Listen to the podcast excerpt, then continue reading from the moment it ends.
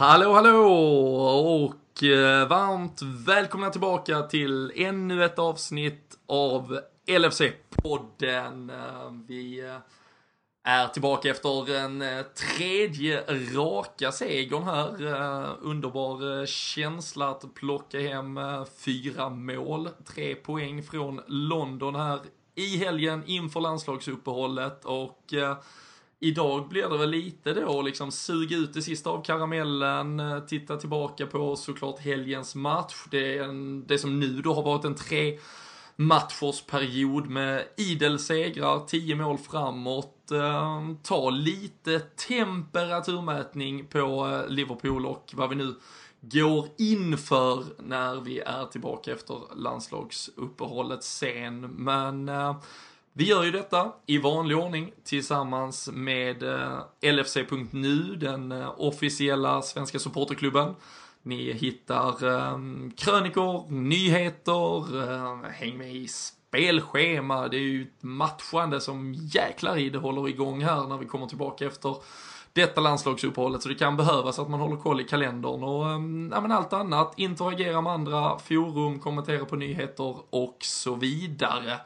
Och eh, dessutom så är ju spelbloggare.se såklart också med oss och det har ju blivit eh, förbaskat bra avkastning på man ju säga på de rekar som eh, de har lagt ut i förbindelse med Liverpools matcher. Där kan man ju följa oss på Twitter, eh, at LFC-podden är det bara att klicka in, följa, så delar vi ju med oss av de rekarna de lägger ut. Eh, ni kan följa dem direkt också genom att bara följa spelbloggare, heter de då, enkelt och snyggt på eh, Twitter. Men de tippade att båda lagen skulle göra mål i London i helgen, West Ham och Liverpool. Så blev ju också fallet. Ehm, sen att det stack iväg blev en underbar seger för Liverpool var ju såklart bara grädde på moset så att säga. Men eh, vi känner oss eh, trygga och glada att ha både LFC.nu och spelbloggare.se i den här poddbåten och eh, tar såklart nu sikte framåt också. De eh, lär hänga med ett bra tag, men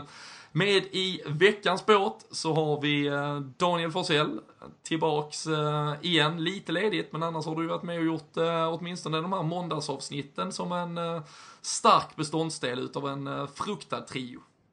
Ja, men så har det varit. Jag eh, fick eh, lite ledigt när vi, vi hade lite tysk special där. Då, eh, då fick jag kliva lite åt sidan. Det kände jag det var Deutschland var inte min marknad där. Så att då, då fick man läsa på istället och lyssna, lyssna in lite nya influenser. Och det, det har varit ett populärt avsnitt så det kan vi verkligen rekommendera och kika tillbaka på förra veckans där lite specialavsnitt faktiskt. Lite som när eh, Kim Källström inte fick spela när det var regn så får inte du vara med när eh, podden snackar tysk fotboll. När det är regn. Men när det är regn. Ja, eh, Om man är för dålig för att podda när det regnar då, då ska man ifrågasätta sin... Ja, om man Sist- bor i Borås dessutom då. Ja, ja precis. Fan. Men nej, som, som du nämner där, ett mycket uppskattat avsnitt av de som har lyssnat. Jag förstår, vi slängde ut två avsnitt förra veckan. Vi, vi hoppas ju att det är till allas nöje, men eh, som sagt eh, Kevin Bader då som gästade oss i torsdags, vi pratade Jörgen Klopp, Emre Can, Divock Origi som sen gjorde mål där eh, helgen efter, eller nu i helgen då. Emre Can vars kontrakt blev än mer aktuellt, vi kommer säkert komma in på det idag också. Ja, men mycket annat, det är som sagt mycket tyska influenser kring Liverpool idag, så den där tysk specialen var ett väldigt uppskattat inslag hoppas jag och eh, nej, men dagens eh, tredje man i båten, eh, jag vet att du också satt och så, som lyssnar i all enkelhet satt och, satt och njöt lite av det där avsnittet. Det, det är väl kul att vara på den sidan också ibland, Christian. Absolut. Jag känner att jag har fått lyssna väldigt mycket senaste. Jag har svårt att slå mig in i den här trion som varit det senaste, känner jag lite. Det har varit starka män som har gjort bra poddar. Kan, kan det vara att du gör en jävla Oxlade-insats nu och blir svårflyttad? Det är lite så jag ser det faktiskt. Kommer in med dunder och brak och så går det inte att peta mig i första taget sen. Ja, ja, det är snyggt, det är snyggt. Som Ja. sagt är det ju ett eh, landslagsuppehåll vi nu egentligen har klivit in första dagen i. Ehm, Det kommer vara lite eh, VM-kval för svensk del bland annat och lite många spelare också som har fått lite ledighet så det går väl in i någon form av ändå lite vila, så här, psykologisk återhämtning som, som behövs eh, i, i jämna mellan men eh, Sen tar det ju som sagt full fart igen, men vi ska ju börja med att eh, summera det som då har eh, varit. Och eh, vi börjar väl någonstans, eh, Danne, såklart i det som eh, skapar ganska mycket surr eh, en timme innan match mot West Ham när startelvan kom och som vi då var inne på här, Oxlade Chamberlain klev in från start. Och när man började titta lite på materialet så var det lite, ja, kan detta verkligen vara den där vanliga 4-3-3 i uppställningen? Kan det, kan det rent av vara en 3-4-3? Man börjar prata lite wingbacks.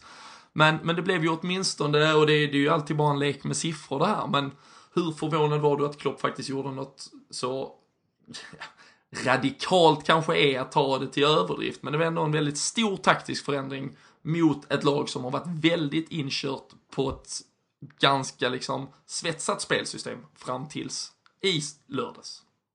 Ja, men jag tycker ändå radikalt är lite rätt ord att använda här. För jag tycker det känns som att bytet här framförallt handlar om att nu försökte vi anpassa oss lite mer efter motståndet mot att vi bara kände att vi eh, skulle köra våran... Alltså innan hade det känts som att vi kör våran taktik, vi kör den till 100% och, och det får liksom bära eller brista mot vilket motstånd som helst. Och här kändes det som att det kanske fanns lite mer tanke bakom. Det var ju väldigt framgångsrikt när vi var på London Stadium förra säsongen också och kanske kikat lite på vad, vad som har funkat liksom mot West Ham. Och det är klart att de, de scoutar alla lag men jag tror att det känns som att man lyckades balansera laget på ett helt annat sätt här än vad, vad vi kanske har gjort under de här Ja, det är lite tuffare tiden som har varit då får man väl säga. Det var ju ändå en eh, ganska lång eh, radda matcher utan att vi skördade sådär jättemycket framgångar. Så eh, lite, lite förvånad men det, samtidigt eh, jäkligt nöjd. Liksom. Det var inte mycket i startelvan som man ville, ville se annorlunda. Vi har ju snackat mycket om det. och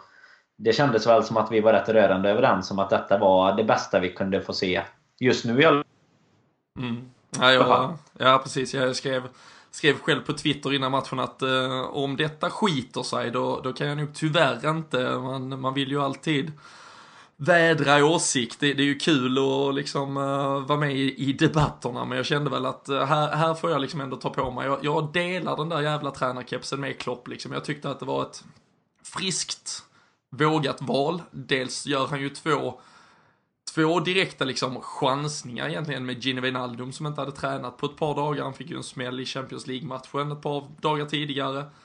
Sadio Mané som kom tillbaka som visserligen hade tränat lite mer än vad han hade varit öppen med i media tidigare men, men som såklart också är en chansning ändå att dessutom slänga in honom från start och så dessutom då Oxlade Chamberlain på det. Han, han, han tog ju verkligen för att ha varit en tränare som jag ändå tycker har, inte fått utstå, ja men kanske fått utstå lite kritik för att han har varit extremt trogen, att han har roterat på då Milner, Chan, Wijnaldum och Henderson tillsammans. Tre av de här fyra har liksom hela tiden gått liksom ja, men i en loop, det har cirkulerat kring dem, det har varit någon av de tre hela tiden, eller de tre, tre av fyra hela tiden på det där inom mittfältet. Även när man liksom, vi har stått och skrikit efter, ja, men in med en extra anfallare, lyft, våga göra någonting. Vad, eh, ja, men, vad, vad, tror du var liksom faktorn här Christian? Var det, var det att det var ett landslagsuppehåll som väntade, att man vågade lite extra? Var det lite vind i segern efter två segrar? Eller, ja men känner, känner Klopp också själv av att det är dags att liksom, ja men, blanda runt i den här grytan lite? Jag tror att det är lite av alla delar, men jag hoppas ju mest att det är mest det här med Klopps egen syn på det, att det kanske är dags att faktiskt testa lite annorlunda. Och nu, nu kom det ändå in en Mané också. Jag blev lite chockad över att han kom med, för det finns ju alltid en liten känsla av att om det kan vara för tidigt, även om man har tränat sånt efter skadan och så. Men Eh, jag tror att man, han, han ändå kände att ja, men det är dags att testa något nytt. Och sen som Daniel sa det här med att man ändå kanske tittat över West Ham, hur de spelar, hur gjorde man förra gången, eh, vad var framgångsrikt, hur kan man på bästa sätt möta deras matchplan liksom. Men eh, just att man slänger in lite jokrar sådär och kanske tar en liten chansning med så tror jag att man ändå skapar någonting extra i och med också att man har vunnit de senaste matcherna så har man ändå eh, självförtroendet med sig. För det har ju vuxit, det har man ju ändå märkt. Men man märkte också att det blev lite mer fart på det hela just med de här, just när Mané kommer in, men överlag på det sättet man spelade. Så att jag hoppas bara att det är en slags kombination av vad som har varit och förhoppningsvis vad vi kommer fortsätta få se nu i och med de här segrarna som ligger eh, bakom oss. Och nu kommer ett landslagsuppehåll så hoppas jag väl bara att man kan bygga vidare på det helt enkelt. Mm. Jag tyckte, eller Gerard pratade ju efter matchen om att uh, han tyckte att uh, Emre Can, Gini Wijnaldum gjorde en fin match på det centrala mittfältet.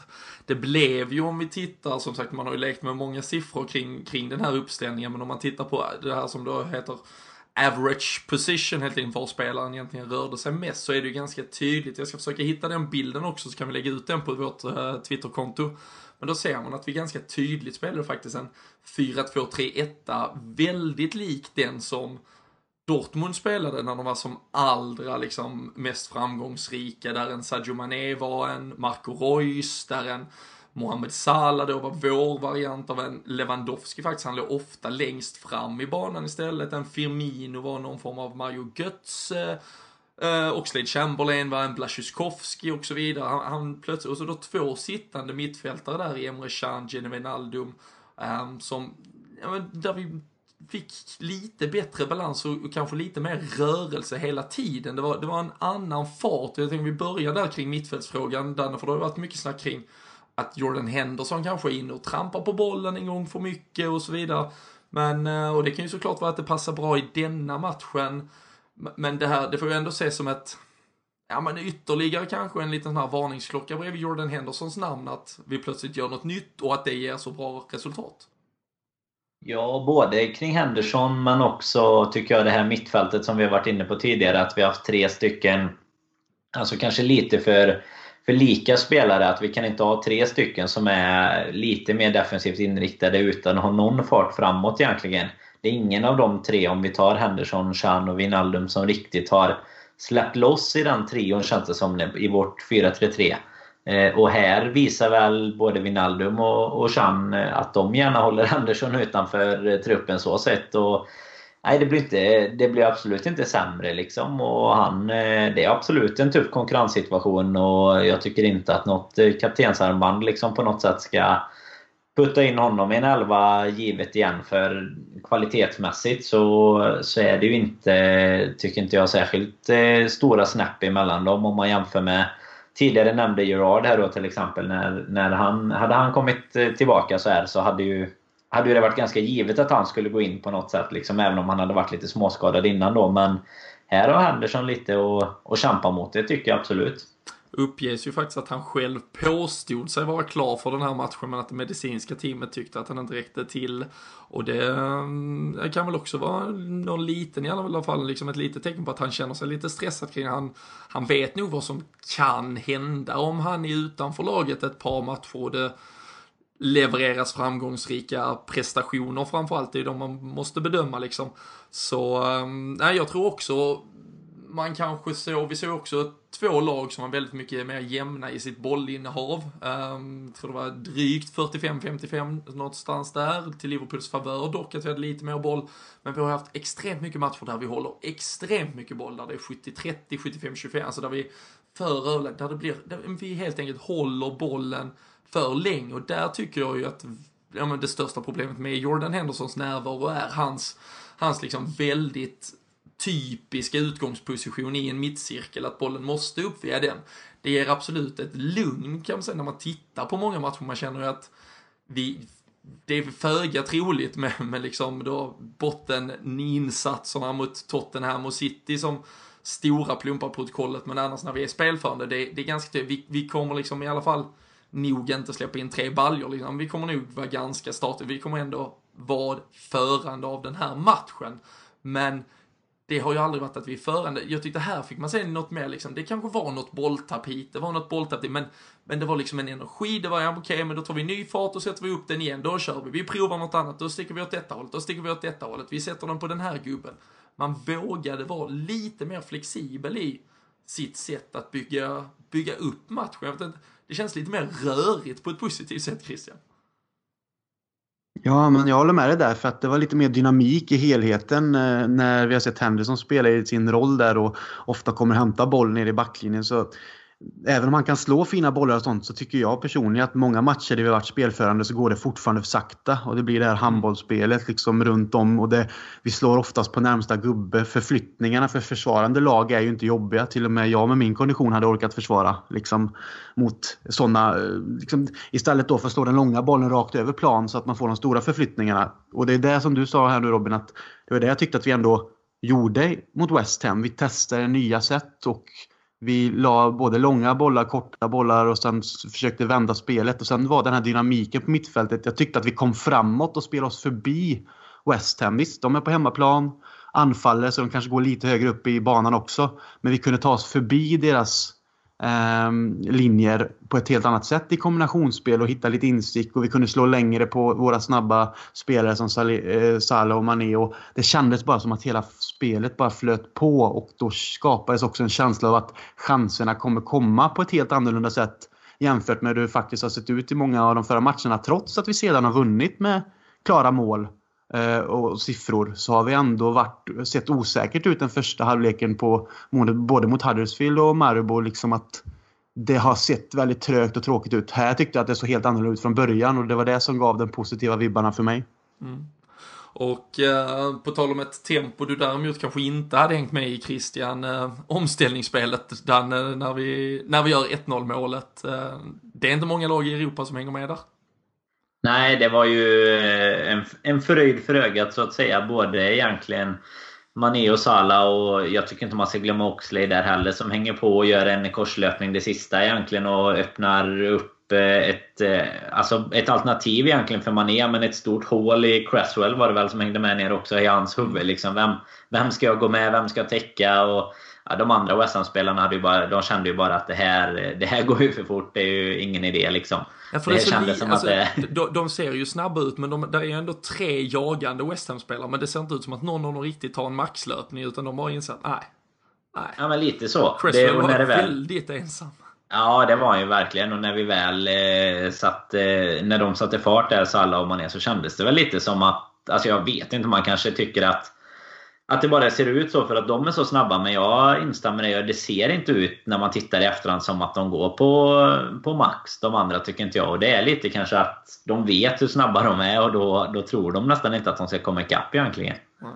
Och Oxley där annars med, jag vet att vi pratade om eh, Sadio Manés smarta löpning mot Arsenal för ett par månader sedan när han gick in och screenade bort. Eh, Oxley gör ju en ganska liknande, en sån jävla arbetsinsatslöpning där helt i det tysta som, eh, som faktiskt absolut verkligen bra att du nämner den för den ska absolut ha sitt beröm också. Det är fan, får Mané, Salah och Oxlade mot sig, det, det är en ganska bra kombinerad eh, snitthastighet där på de tre gubbarna tror jag. Så det är inget, eh, det är nog inget drömscenario för ett, ett lag som står på hälarna.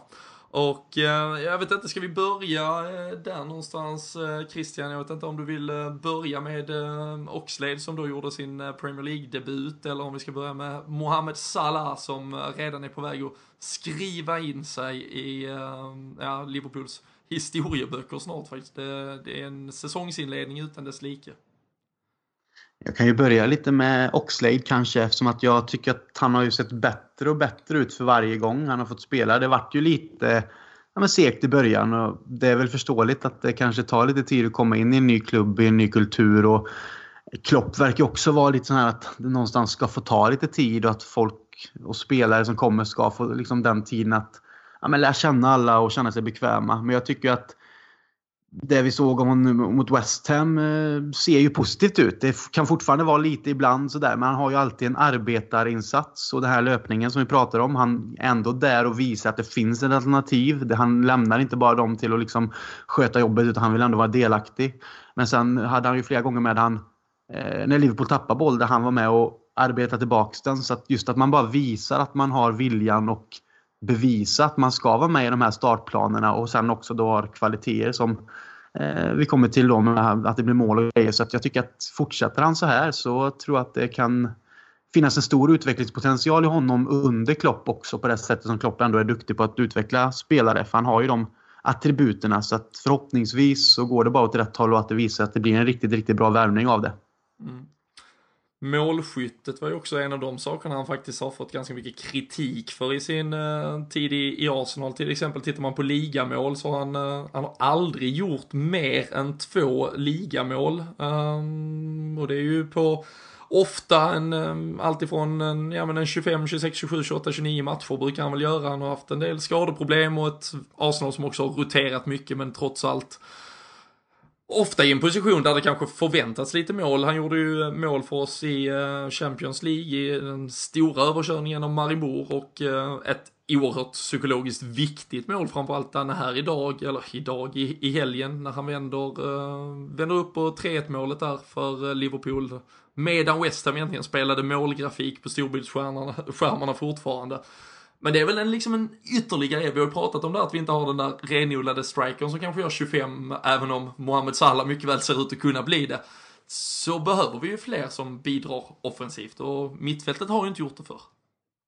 Nej, absolut. Vi har ju haft, eh, ja precis, vi kom väl in på det sen som du pratade om innan då med Salas sjuka utväxling här redan på mål. Men eh, vi behöver ju verkligen ha den bredden så länge vi inte har någon som eh, pumpar på och gör de här ja, 20-25 kanske till och med det behövs oftast eh, på en gubbe. Så då behöver man verkligen ha en bredd på målskyttarna. Och det, det hade varit trevligt eh, både för, för oss givetvis, men lite sådär eh, skadeglädje mot Arsenal med när de har släppt honom att eh, han hade fått en utveckling målmässigt i Liverpool. I och med att det är ju det man ofta, eller ofta, men det man fick höra när han kom till Liverpool var ju av Arsenal-fans att jo men bra kille, snabb och sådär, men han gör ju inga poäng. Det är ju det som, som saknas. Så att det hade varit perfekt om Klopp kunde få ordning på den biten. Och som du är inne på, det var ju det är lite roligt med de här bilderna man ser på honom efter när det fortfarande flyger bubblor liksom i, på London Stadium och, och han firar där. Så att det var ju sjukt viktigt. Jag var, när, när 1-2 kom där så var jag rätt orolig faktiskt och kände att nu har vi en sån här dag igen. Men eh, fan kameran, de hade ju inte ens slutat veva repriser nästan innan eh, det var mål igen. Det var ju, man började ju med Firminos passning till honom. Typ. Det var ju nästan där vi var ja, inne. Man, man, man fick nästan inse lite i efterhand hur jävla bra Firmino hade gjort det där för att skapa ja, det precis. målet. Fantastiskt. Eh, jag vet inte, orkar vi stanna vid baklängesmålet eller ska vi vara så i så positiv ton så att vi låter Joe Gomez vara och låter han fokusera på sin landslagsuppkallning med England istället. Ja, vi gör det. Det räcker nog med det du sa. Vi, vi låter han vara. Jag, jag låter undertonen ligga där och så får man göra, göra sina egna analyser. Äh, men, jag, ty, jag tycker Mohamed Salah trots allt är något vi, eh, vi måste prata om. Det, det har ju varit eh, uppe till diskussion många gånger här i podden. Vi har pratat om det att han liksom gör ju sina mål, han missar. Det var ju en av de tidiga sakerna han fick väldigt mycket kritik för. Nu lyckades ju han missa en straff här för, för drygt en vecka sedan i, i ligamatchen där mot Huddersfield som sen ändå blev en, en enkel seger så att säga. Och, nej, men det är klart han har missat lägen, men, men alltså han har ju statistik, alltså på 17 matcher, han har gjort 12 mål, han har 3 assist. Han är alltså en av de absolut, om man nu tittar på det där med att missa och kontra hur många mål han sätter dit, så har han alltså, han har nästan bäst avslutningsprocent på den, det är otroligt mycket siffror som florerar på liksom i olika medier ska man säga, men av allt jag har kunnat titta så är det bara Neymar egentligen, om man slår då ut över alltså säsongens alla mål, som har en bättre alltså mål per skottutväxling än vad Mohamed Salah faktiskt har. Och som sagt, han har sju ligamål, 12 totalt i Liverpool. Alltså det, det här är ju siffror, Christian, som, ja men så, som liksom, det, det är ju, det är ju världsnivå siffror. Ja, ja. Fortsätter han så här så vet man inte var det kommer sluta. För eh, det jag läste var väl att han var väl snabbare än både, ja, Suarez tog ju lite tid på sig innan han började dundra in mål, men just Torres så var väl Salah nu snabbare på 17 matcher vad det var. Eller om det var 16 matcher va? Eh, med antal mål då. På de första. Torres hade väl 11 och Salah hade 12 då. Mm.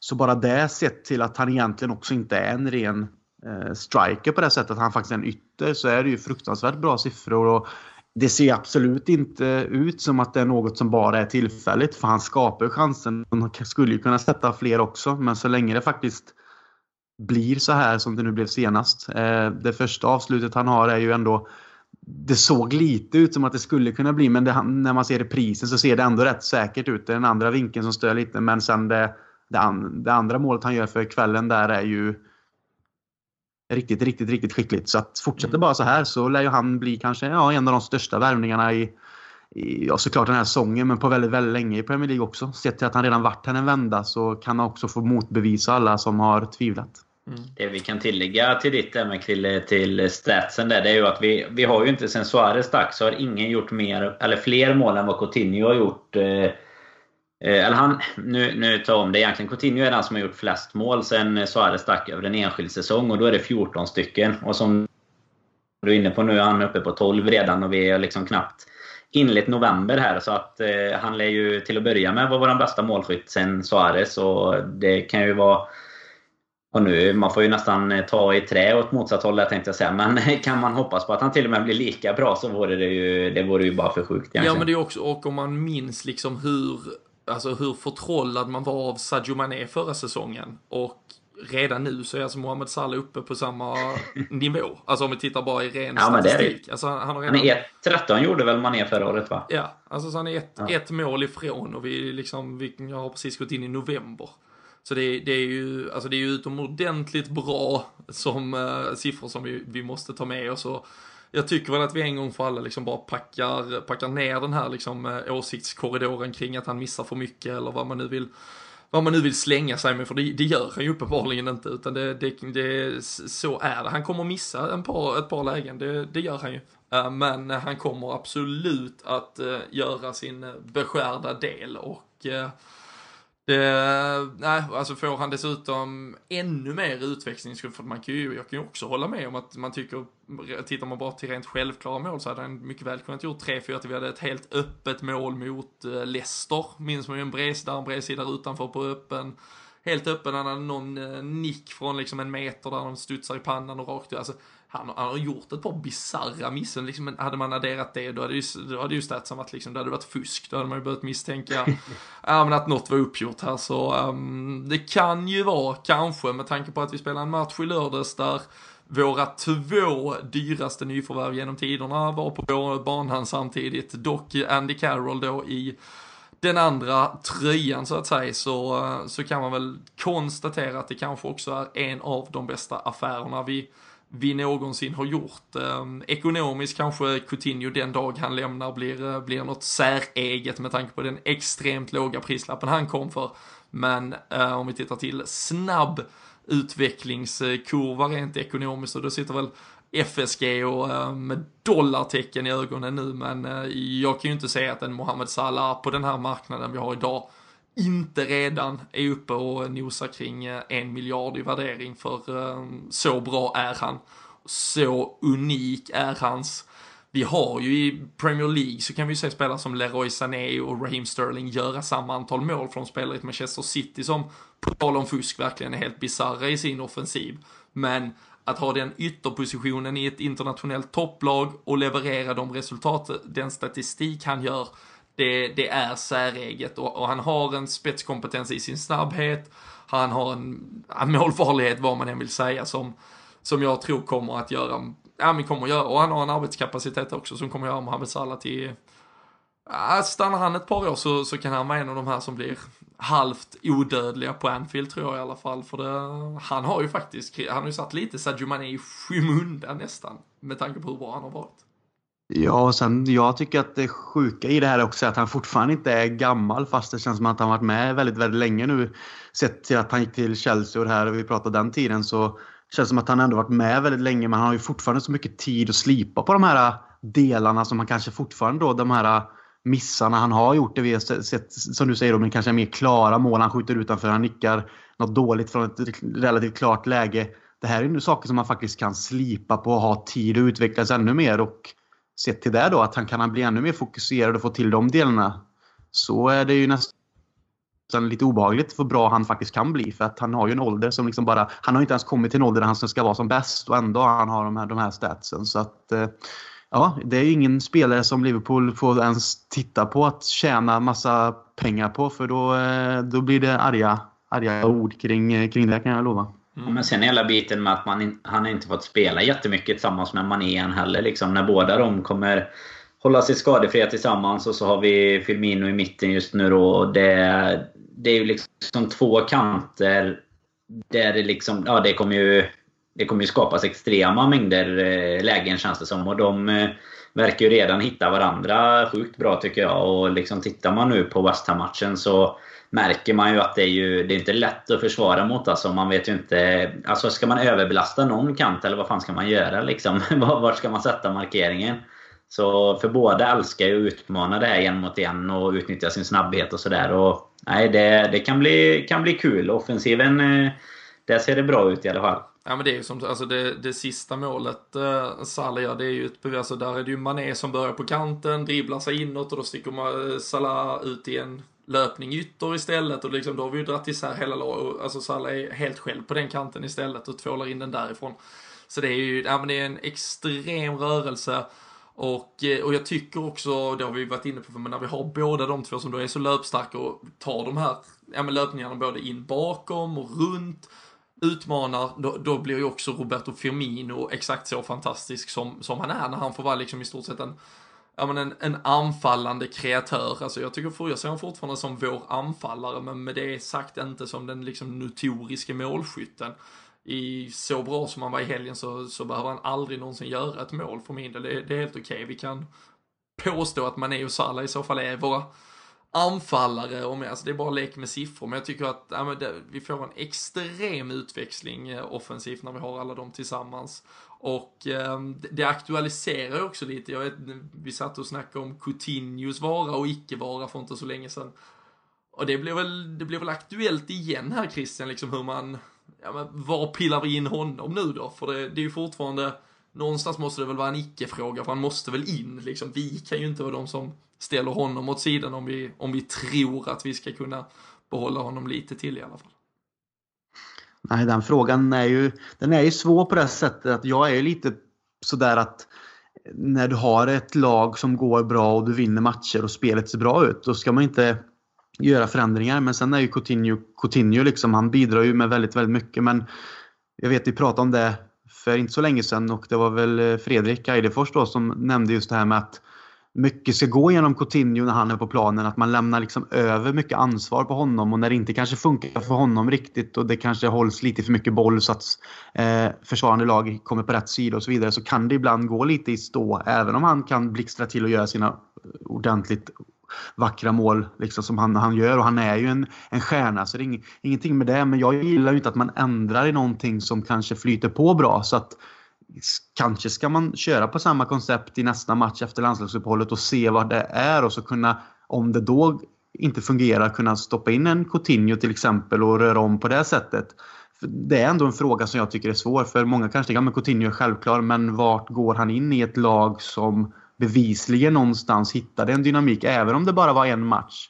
Så visade vi ändå att vi klarar av det. Så att, eh, jag, vet inte, jag tycker det är lite svårt, så jag kan ju bolla över den lite till dig Robin. Ja. Vad, vad, tycker du? För jag, jag har lite svårt för det. Ja, men jag, jag, tycker att vi ska, jag tycker vi ska spela, vi har fått, fått frågan också från Jonas Granlund kring hur vi ska formera egentligen mittfält och anfall när alla är tillgängliga. Då, då vet jag inte om man väger in även en Adam Lallana som eh, faktiskt närmar sig en comeback nu. Men eh, oavsett vilket egentligen, om vi, om vi även inkluderar att han skulle vara ett alternativ, så tycker jag ju att det vi bör spela på nu, det vi bör sätta som en form av grunduppställning när vi går in i den här intensiva perioden som kommer, där vi dock ändå kommer att vara liksom tvungna att ha alternativ. Vi kommer att behöva rotera in både en och två spelare från match till annan på grund av det intensiva. Så tycker jag ändå att när vi ska upp i den de viktigaste matcherna, de största när vi ska sätta vår start eller så att säga. Då hade jag velat se Emre Can, Gino Wijnaldum, Filip Coutinho på det där mittfältet och så den där tremanna attacken som vi redan har liksom uh, tjatat, tjatat tillräckligt om. Så det är ju Oxlade Chamberlain som ändå får stiga åt sidan, men, men att i det läget kunna sätta en Adam Lallana, kunna sätta absolut en Jordan Henderson, sätta en Oxlade Chamberlain, sätta en Daniel Sturridge på bänken, då har vi ju plötsligt exakt det där laget vi ska ha. Och som vi sen kanske till och med behöver förbättra ännu mer, men där vi åtminstone, ja men där har vi fan, vi ska ha den kvaliteten på bänken också. Och, ehm, ja men så, det, det känner jag är vårt absolut bästa mittfält och anfall i alla fall. Jag tror ju att det kommer ändå vara någon form av grundtrygghet i det där 4-3-3 som man ändå kan twerka lite, vi kan twista till det. Um, men även med de där spelarna kan man ju spela de 4-2-3-1 där man spelar Coutinho kanske som en tia, Salah och Mané mer på kanterna, Firmino som en, som en anfallare. Så där finns liksom bra möjligheter till lite liksom flexibilitet inom ramarna där också. Ehm, um, Danne, du ska ju faktiskt, det, det, är ju långt borta nu, men du ska ju över mot uh, Southampton som är matchen efter landslagsuppehållet. Va, vad vill du själv se där och då? Ja, men det stämmer. Det är landslagsuppehåll vet du vad jag tycker om. Så att det vet väl alla som lyssnar på den här podden och i alla fall har hört något avsnitt när vi har pratat landskamper. Så det, jag ser lite ljuset i tunneln med att vi ska flyga över där och då är väl jag egentligen exakt inne på din, ditt spår där. Jag är ju Coutinho in 100% liksom. Det, jag tycker inte egentligen att eh, Alltså jag, jag är ju absolut med på vad, vad Krille pratar om här med att man hittar rätt dynamik och så. Men, men han är alldeles för bra tycker jag för att hålla utanför laget. Och dessutom, eh, det vattnas ju i munnen liksom. Eh, han tillsammans med Mané, Salah och Firmino och hans liksom passningsspel och tycker att eller jag, jag får för mig i alla fall att går det lite i medgång så kommer han också... Det kommer försvinna det här att han ska ner och ta varandra boll och peta på allt. Utan jag tror att har vi våra bästa spelare tillgängliga då tror jag att han kommer bli lite friare också om man säger så. Känns som att han har tagit lite för mycket ansvar nästan eh, nu under denna säsongen hittills i många lägen där han liksom ska vara både... Alltså han ska avgöra matcherna, han ska vara playmaker han ska komma ner och hämta. Det,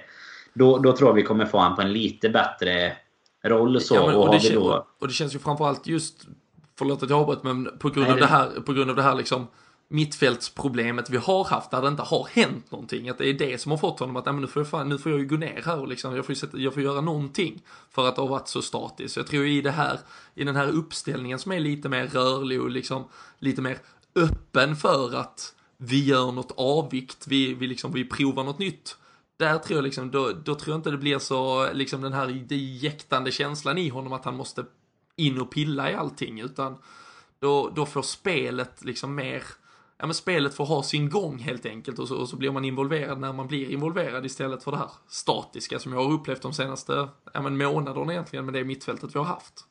Jo, det viktiga i det är väl att han ska gå ner på en mittfältsposition egentligen. Det var det lite som är grejen tycker jag. Att man balanserar honom som offensiv och så har du nu om det då blir Chano Wijnaldum eller om det blir Henderson eh, in där istället för någon av dem. Men att man har ett tremannamittfält där du har en uttalat egentligen offensiv roll och två lite mer hållande då istället för att ha tre stycken som, som nästan blir lite sittande. Och så plus att han kommer ner och hämtar boll då, och då tappar du liksom hela den här rörelsen i anfallstrion egentligen. För då är du helt plötsligt bara, då är du släppt i en kant egentligen om man nu tänker 4-3-3. Så att jag tror att får vi, får vi de fyra, om man räknar in honom tillsammans med Mané, Salah och Firmino då, så med lite täckning bakåt där så, så kan det bli jäkligt trevlig höst och, och vinter här. Mm, och det är det jag tänkte lite på med som ni pratar här när jag säger att den här dynamiken då. Att Coutinho kommer in med att han inte behöver vara den som ska behöva ha allt ansvar. Det är just den dynamik. för det som ni säger, han är ju för bra för att hållas utanför. Så jag kanske vill klargöra lite det jag menar med att dynamiken inte ska påverkas av att han kommer in så som vi spelar, att det ska bli det här kluddandet och att det kanske går i stå på grund av det. Utan det är att kan han vara på planen och bidra med det han bidrar med utan att det liksom andra spelare säger att det måste gå genom honom utan det kan flyta på ändå. Det är då som han och hela laget kan bli riktigt, riktigt ordentligt farligt. Liksom. Som Robin sa med de bästa spelarna på planen och att det då rulla på med en... Ja, men spelet flyter och inte blir de här eh, korta bollarna och handbollsspelet. Eh, då blir det riktigt farligt. Mm. Och eh, som sagt, eh, vad vi eh, kan skönja nu och så peppar peppar när vi går in i det här landslagsuppehållet så är då även lite spelare på väg tillbaka. Man är som då uppenbarligen eh, var tillbaka redan i helgen. Eh, Filip Coutinho och Adam Lallana uppges ju vara nära också. Så um, får vi väl se. Nathaniel Klein är däremot en uh, tråkigare och liksom jobbigare historia. Verkar inte alls finnas någon lindring och bättring på hans ryggproblem. Men, men vi får se där. Men det är ändå ett Liverpool, Danne, som nu, vi har tre raka segrar, tio gjorda mål två viktiga liksom, ligasegrar efter den här debaclet mot Tottenham. Vi, vi toppar vår CL-grupp, även om vi pratar om den här senast. Det är ju ett absolut liksom, långt ifrån avgjort läge där, men men vad, liksom, vad skulle du säga, liksom eh, dags dato här, 6 november, Liverpool ligger femma i Premier League, 19 poäng, 3 upp till Chelsea, 4 upp till United och Spurs. Hur, eh, ja, men hur, hur mår vi och vad får vi för betyg så här liksom drygt en ja, tredje fjärdedel in på säsongen? Det känns ju som att det är mer eh, katastrof än vad det, vad det visar sig i siffrorna. Liksom. Det, man har haft en jobbig höst här tycker jag och eh, nu är vi ändå med på, på våra fronter. Även om vi givetvis kanske inte hänger på City. Men det gör ju å andra sidan ingen annan heller och det, det känns inte som någon kommer kunna göra. Liksom. Så att Tittar man på, eh, på liksom vad vi ser framför oss så tycker jag väl att vi, eh, vi har en bra potential. För det, det finns mycket kvar att hämta ur både vårt system och ur våra spelare och ur hela laget tror jag när det sätter sig. Och tittar man på hur bra det har varit så är det väl egentligen så kan jag känna att nu har vi tre segrar med oss. Inte kanske de... Eh, alltså på pappret absolut klara segrar men första halvlek både mot Harvestfield och Maribor nu i veckan var ju alltså fruktansvärda att titta på egentligen. Så att eh, det, det, har väl varit eh, egentligen så att vi har nästan börjat få in ett mål tycker jag för att komma igång riktigt. Och det finns ju mycket övrigt att önska men eh, alltså länge nu som sist då när vi gör det målet ganska tidigt då blir ju matcherna jäkligt mycket bättre. Alltså det känns som de springer runt många spelare med liksom en last på axlarna ungefär fram tills vi får det här 1-0 målet. Och nu, nu har det väl varit så att det har varit ganska mycket press på oss i och med de resultatraderna som har varit. Där vi hade liksom en på åtta eller vad det var så ett tag. Så att eh, det här är ju jätteviktigt inför landslagsuppehållet och nu finns det ju mycket att bygga vidare på. Och så med Coutinho och kanske Lalana tillbaka så är det som du var inne på där Robin innan just att ha den här bredden på bänken också. Som, eh, ja, då kan det bli riktigt eh, trevligt tror jag faktiskt. Om vi nu eh, håller oss till att vi inte ska, ska skjuta iväg och vinna ligan. Liksom. Så eh, håller vi oss på rimliga målsättningar så tror jag det kan bli riktigt bra. Ja, ja det finns ju något, vad, vad är det man brukar säga, det finns liksom lögn, förbannad lögn och, och så statistik på det ungefär. För det är så, vi, vi hade två vinster på tio matcher. Eh, det känns ju avgrundsdjupt egentligen. Eh, nu har vi då tre raka här som visserligen då har förbättrat det avsevärt och så, och så plötsligt är vi med i den där toppen. Det är väl det är väl någonstans såklart charmen med Premier League. Vi, vi ser ju lag som slår varandra om vartannat. Eh, vi hade ett Arsenal som förlorade mot eh, Watford för några veckor sedan. Eh, liksom ett Arsenal, nu blev de utspelade mot City. Vi har ett Chelsea som har tappat märkliga hemmapoäng mot ett lag som Burnley inledningsvis och så vidare.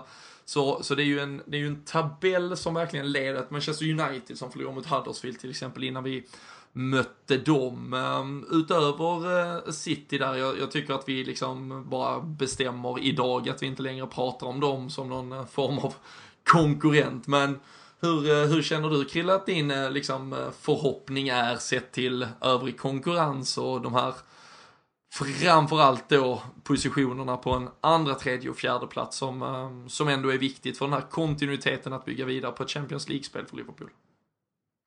Men som Daniel sa lite, det har ju känts kanske värre än vad siffrorna visar nu i slutändan här inför det här landslagsuppehållet här. Att man kollar på tabellen så bara, det är inte så, det är inte så farligt ändå fast det faktiskt har känts så.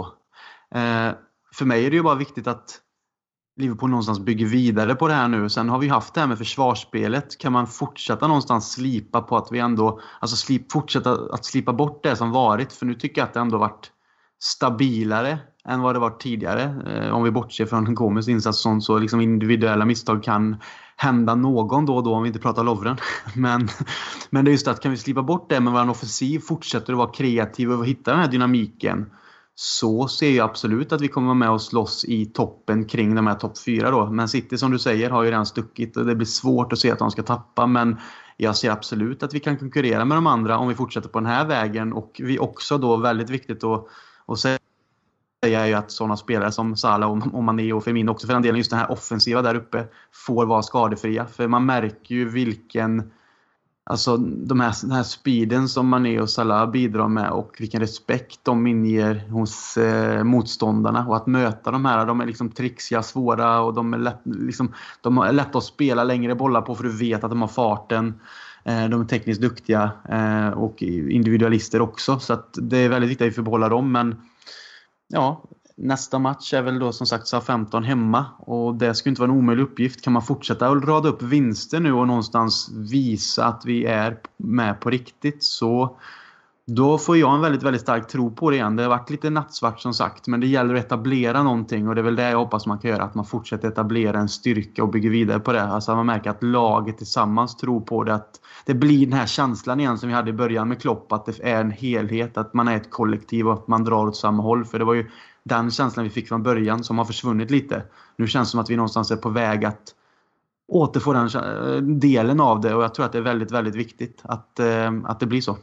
Alltså tittar man bara på resultaten för sig om man säger så, så är det ju ändå våra två förluster. Det är ju liksom mot Tottenham och, och City borta. Visst, det är ju katastrofala förluster om man tittar på siffrorna, men det är ändå borta matcher mot två av de kanske ja, men bäst spelande lagen i, i Premier League, tycker jag i alla fall. Och tittar du på kryssen så är det ju inte heller... Alltså det är ju kanske Burnley hemma då. Nu är ju Burnley med och konkurrerar då, om Champions League-platsen där uppe i och för sig, men annars är det ju ändå kryss. Det är Newcastle och Watford har vi kryssat mot och vi har Burnley och United hemma då, och de andra två borta. Och det är liksom, alltså visst, det är kanske inte optimalt, eh, framförallt inte om man ska vinna ligan, men jag tycker egentligen inte att det är några jättekonstiga resultat utöver Burnley om man tittar på pappret. För Watford har varit rätt bra. Rafa defensivt med Newcastle, det vet vi. Utan det är väl snarare det vi har mycket klankat ner på här då givetvis att vissa, vi har tappat rätt onödiga poäng i de matcherna vi väl har tappat på kanske individuella misstag och sådär. Men tittar man på vilka matcher vi verkligen har förlorat och så, så kanske det inte är de man förväntar sig att vi hade vunnit heller. Och så är vi ändå där på en femteplats nu efter 11 matcher och typ en, ja, mellan en tredjedel och en fjärdedel här av säsongen. Så att man ska nog fasen vara lite positiv här ändå, tror jag, inför, inför fortsättningen. Jag tror vi vi har fina tider att vänta här nu. Mm. Och det är, jag, jag håller ju med dig till, till full. Jag tror det, det, var ju förlusterna mot tot, både Tottenham och City, de, de låg liksom så här, det, det var när det var lite så här brytpunkter mellan att vi hade ett lite svajiga resultat, eller City kom ju då efter ett landslagsuppehåll när vi hade slått Arsenal, man kände att nu har vi feeling och så kom det bara 5-0 rätt ner i marken med en liksom, man bara slaktades egentligen. Och där fick man ju aldrig upp där lyckades vi ju aldrig sen få upp ångan. Det var ju då en kombination av lite Champions League-spel som inte gick så bra, ligacupen som vi åkte ut Så det blev ju många matcher som då inte riktigt levde upp till riktigt vad man hoppades. Och sen då Tottenham-matchen kom så igen som ett jävla brev på posten och bara sänkte en i, i stort sett. Men, men det har ju varit egentligen förlåtande om man tittar ligaspelet prestationsmässigt.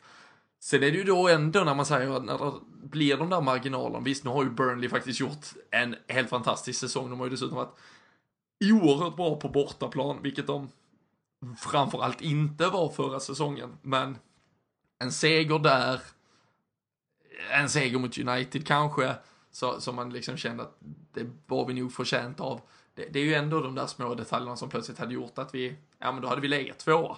Så det är ju, det är ju också det, det, är ju de där små detaljerna där man tycker att ja, men vi har inte gjort så mycket fel, fast det räcker liksom också att göra något fel för att, för att inte riktigt nå fram. Så vi, vi har ju, men, så, men igen ändå, vi har ju ett oerhört Alltså, vi har ju en högsta nivå som är oerhört hög. Ehm, jag skrev en krönika om det i, ehm, i lördags efter matchen också, att jag hoppas att vi nu faktiskt inser att ja men vi måste, för att spela den här kontrollerande fotbollen som, som jag tycker vi gör lite för ofta när vi har det här tremannamittfältet, när vi har Jordan Henderson som liksom ett nav och utgång. Ja men det, det bygger lite på, det, det bygger på, ska du spela ett kontrollerat och liksom ja men väldigt statiskt egentligen anfallsspel ganska långt upp i banan, alltså i stort sett över hela banan. Då måste du känna dig så otroligt trygg i allt du gör. Ska vi liksom bygga, bygga det med trygghet, då ska det vara trygghet rakt igenom. Då ska vara ett tryggt försvar och en trygg målvakt också. Och det har vi inte.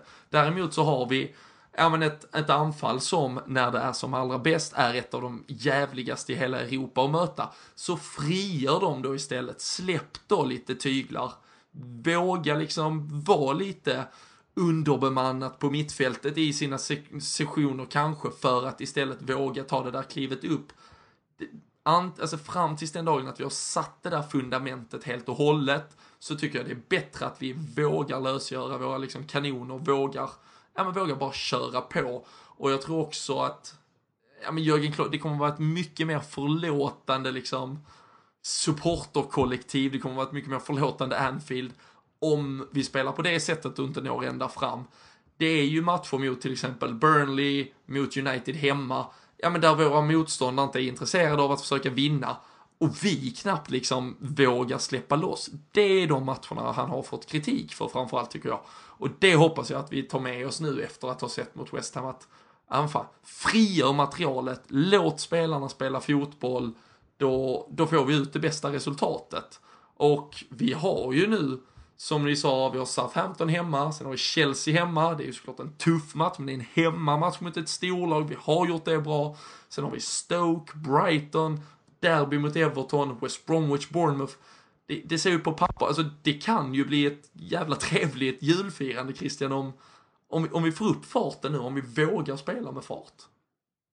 Ja, det är ju lite det vi kom ihåg eh, från början när Klopp kom. Att det var den här farten som satte skräck i andra lag och chockade oss fans också. Att fasen, vad är det här liksom? Vi har ju sett några matcher där det har varit helt överjävligt med löpningar och avslut och finess. Och som du säger, att kanske våga lita mer på den offensiva delen av eh, laget och som du säger frigöra dem och låta dem ha mer ja, men, utrymme för att göra det de faktiskt är jävligt bra på. Eh, och köra på det innan man, som du också sa, hittar det här fundamentet där bak som skapar den här tryggheten. För det är precis som du säger, det har vi inte nu. Och vi kommer antagligen kanske inte ha det innan till sommaren förhoppningsvis då. Eh, så att bättre att lita på de där spelarna som faktiskt gör, gör stor skillnad i den offensiva delen. För vad som gjorde att det gick liksom väldigt mörka ord kring hur vi spelat sånt också. För även om vi varit med i matcher och så och kanske kontrollerat väldigt mycket och haft boll så är det ju de här försvars...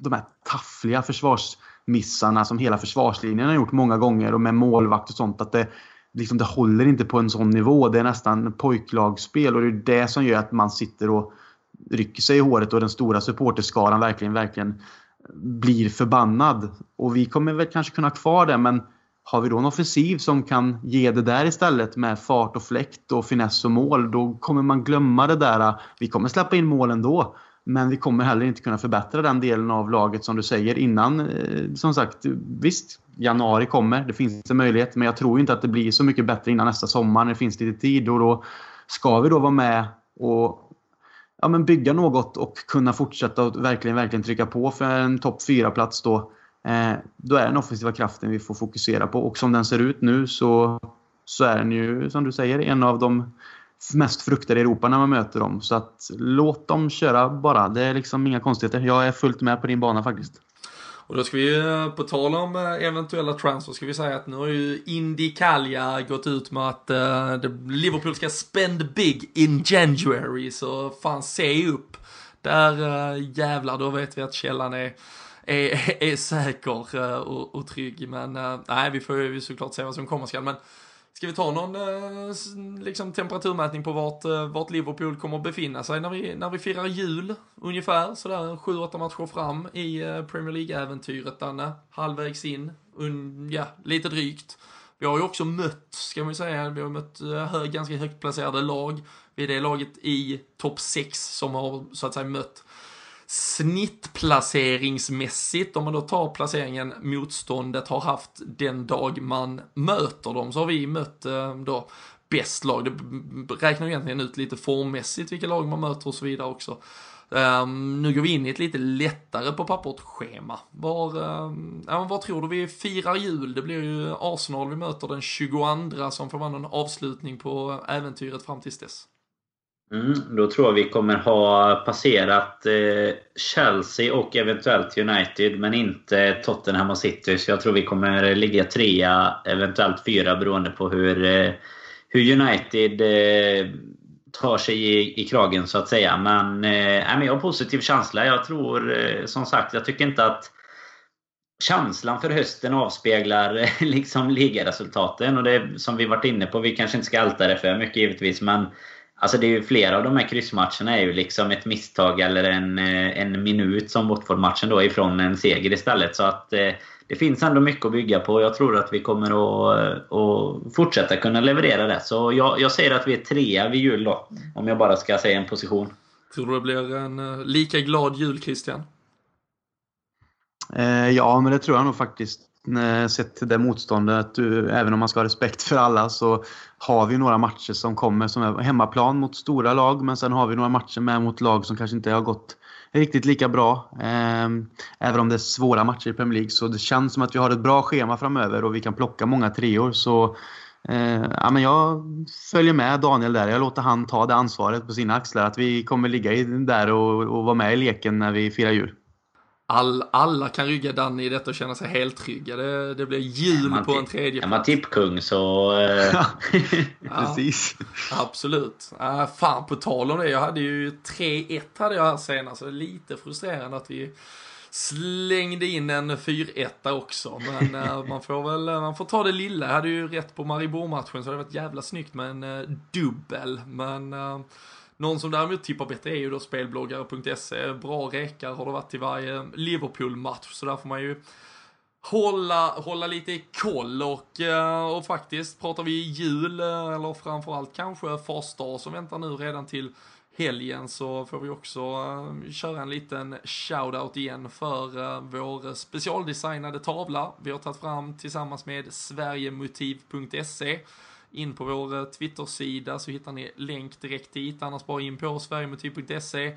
klicka er fram sök Istanbul kan man göra väldigt enkelt i deras lilla sökruta så kommer man till vår eh, tavla som är en minnestavla på eh, Atatürk-arenan där Liverpool då vann sitt femte Champions League guld låter fel. Vi lyfter åtminstone pokalen en femte gång, fick ta med den hem och eh, köper man eh, sin tavla just nu, det gäller egentligen faktiskt hela utbudet på sverigemotiv.se, använder koden FARSDAG15 så får man också 15% rabatt. Eh, så kan vara läge att även fylla på med någon Anfield, tavla, bricka, din lokala stad i Sverige finns kanske också representerad. Um, in och kika, kolla utbudet, en jävla massa schyssta grejer helt enkelt. Uh, och så som sagt, skriv ner att Daniel Forsell har lovat er en tredjeplats i julklapp så kan den kvitteras ut um, om ett par veckor också hoppas vi. Men um, någon, så, någon som nästan, och det får väl bli avslutning idag i så fall, firade, firade jul igår. Um, Danny Ings, um, U23 kung har han väl blivit. Han eh, kamperar kamperat tillsammans med Harry Wilson om den titeln igår Eh, i, en, i en förkrossande seger för U23 laget eh, så gjorde han fyra mål, två assist. Han hade gjort ett hattrick efter bara 21 minuter bland annat. Och eh, vi hade ju nu till exempel i helgen två anfallare på bänken faktiskt. Både Solanke och eh, Daniel Sturridge. Eh, börjar ni känna i den här när vi nu pratar truppen och alla är skadefria? Ni, vad, vad tycker ni kring det? Väldigt kort egentligen Christian. Att, eh, är det dags för Danny Ings att, att få, få chansen att vara en, en joker i den här leken. Ser väl det lite svårt ännu, även om han har gjort det fruktansvärt bra i U23. Jag vet inte riktigt hur statusen är med honom. Jag, det är nästan som att man glömt bort honom lite. Men så han har ju spelat hela han denna säsongen i stort sett. Han kan ju fan inte vara...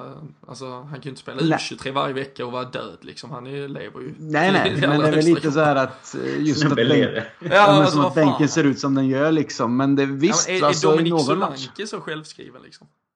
Jag har gillat det. Jag, jag gillar ju det jag har sett av Solanke när han kommer in. Jag tycker ju att han har mycket, mycket potential och mycket att bidra med. Men Ings vet vi att han var ju inget dålig när han började i Liverpool. Han gjorde något mål mot Everton och han har en arbetskapacitet och allt det här. Så varför inte? Det är ju det att gör man mål i U23 så har man ju även om det Alltså motståndare och nivån är mindre, men du har ju näsa för målet. Det har han ju antagligen. Så att, varför inte testa honom kanske i någon match i ett antal minuter och se vad det kan vara. Jag ser inget fel med det, men, men samtidigt så känns det svårt för min del. Men eh, han ska givetvis ha en chans, det tycker jag. Det borde han få. Mm. Den, eh, vi, mm, Eidefors vill ju ha ett riktigt jävla eh, Stoke Alona på Liverpool med Solanke och Grudzic eh, senast, men men vi slängde ut den på vårt Twitter-konto också. Det var ju 38% faktiskt. Eh, och det är majoriteten. De röstade på att eh, han borde få en bänkplats då efter sin insats här mot Bristol City. Istället för Solanke. 30% faktiskt vill att han ska sitta på bänken istället för Sturridge. Då ska alltså Sturridge helt ut ur truppen. Medan 32% så det är ju, det är ju jämna siffror. De tycker att eh, han ska hållas utanför. Solanke Sturridge är bästa alternativet. Men är det, ja men, och någonstans för, om inte annat så nu i januari så måste det nog vara dags för ett vägskäl.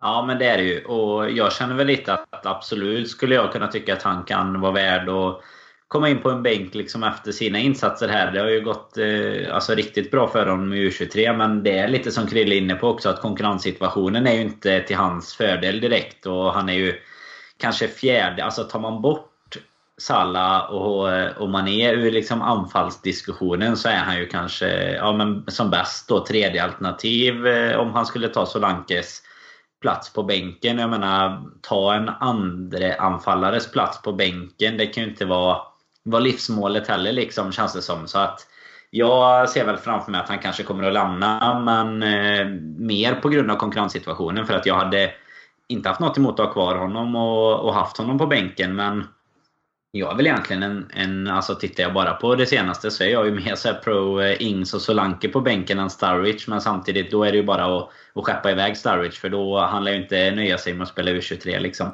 Så det vi får väl se i januari om alla är kvar eller inte. Så får man nästan ta en ny temp då. Men ingen, eh, inte in och starta eller någonting i alla fall. Men eh, har vi 4-1 mot West Ham så kan vi väl mycket väl få ge honom några minuter.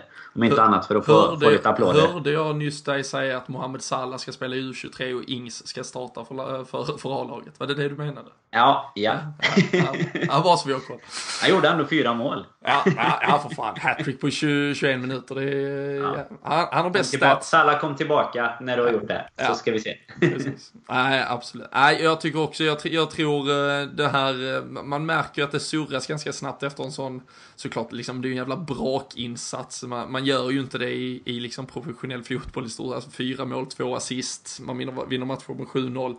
Men, äh, ja, men det blir, äh, det, det, blir, jag vet inte, det, det, blir en konst, det blir lite av en icke-diskussion. Ja, eventuellt ska han göra då varannan, var tredje match kanske han ska vara på bänken. Solanke är ju trots allt, oavsett vad man tycker om dem som liksom helhetsfotbollsspelare, så är han ju det där tydliga plan B-alternativet med, med tanke på liksom sin sin styrka och sin, liksom, sin längd, de, de spetsegenskaperna han har där.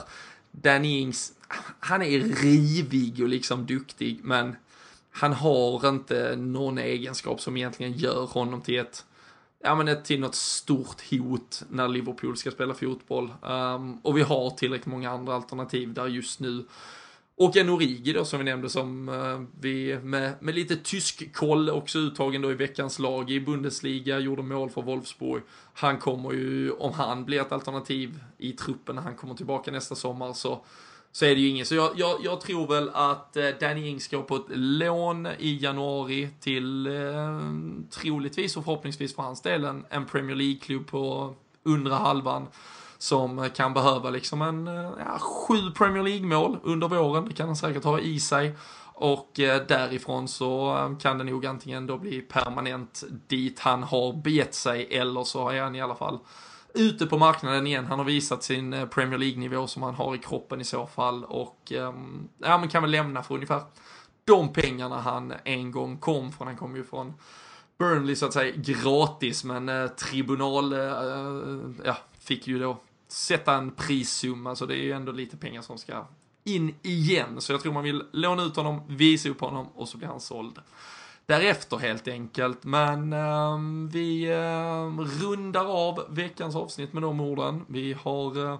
hunnit konstatera att Liverpool är på rätt eh, väg åtminstone. Daniel Forsell har kritat ner oss på en tredje plats inför julfirandet och ehm, känslan är väl sådär härligt bra som den ska vara efter en, eh, en seger och äh, ja, lite vind i seglen som sagt. Eh, vi tar lite uppehåll nu tillsammans med landslagsfotbollen och är äh, snart ursäkta, tillbaka igen. Men äh, tills dess så äh, håll koll på LFC.nu, officiella supporterklubben, hänger där, bli medlem så kan du haka på i diskussioner och annat kul. Och så kika in spelbloggare.se, det kommer ju vara massa landslagsfotboll här nu och där har man ju ingen jävla aning om alls vad som händer. Så eh, kan man behöva ta lite hjälp av eh, expertisen där, kan du få bästa oddsen, eh, bra tips och så vidare. Och så Missa inte heller deras podcast om kör-uppsnack med Jonas och Sladjan. De är Jonas Dahlqvist och Sladjan Osmanagic. Smanagic. den hittar ni säkerligen på samma ställen där ni hittar oss. Så det är bara att söka er vidare. Men tills vi hörs nästa gång så önskar vi er eh, ja, allt gott helt enkelt. Ha det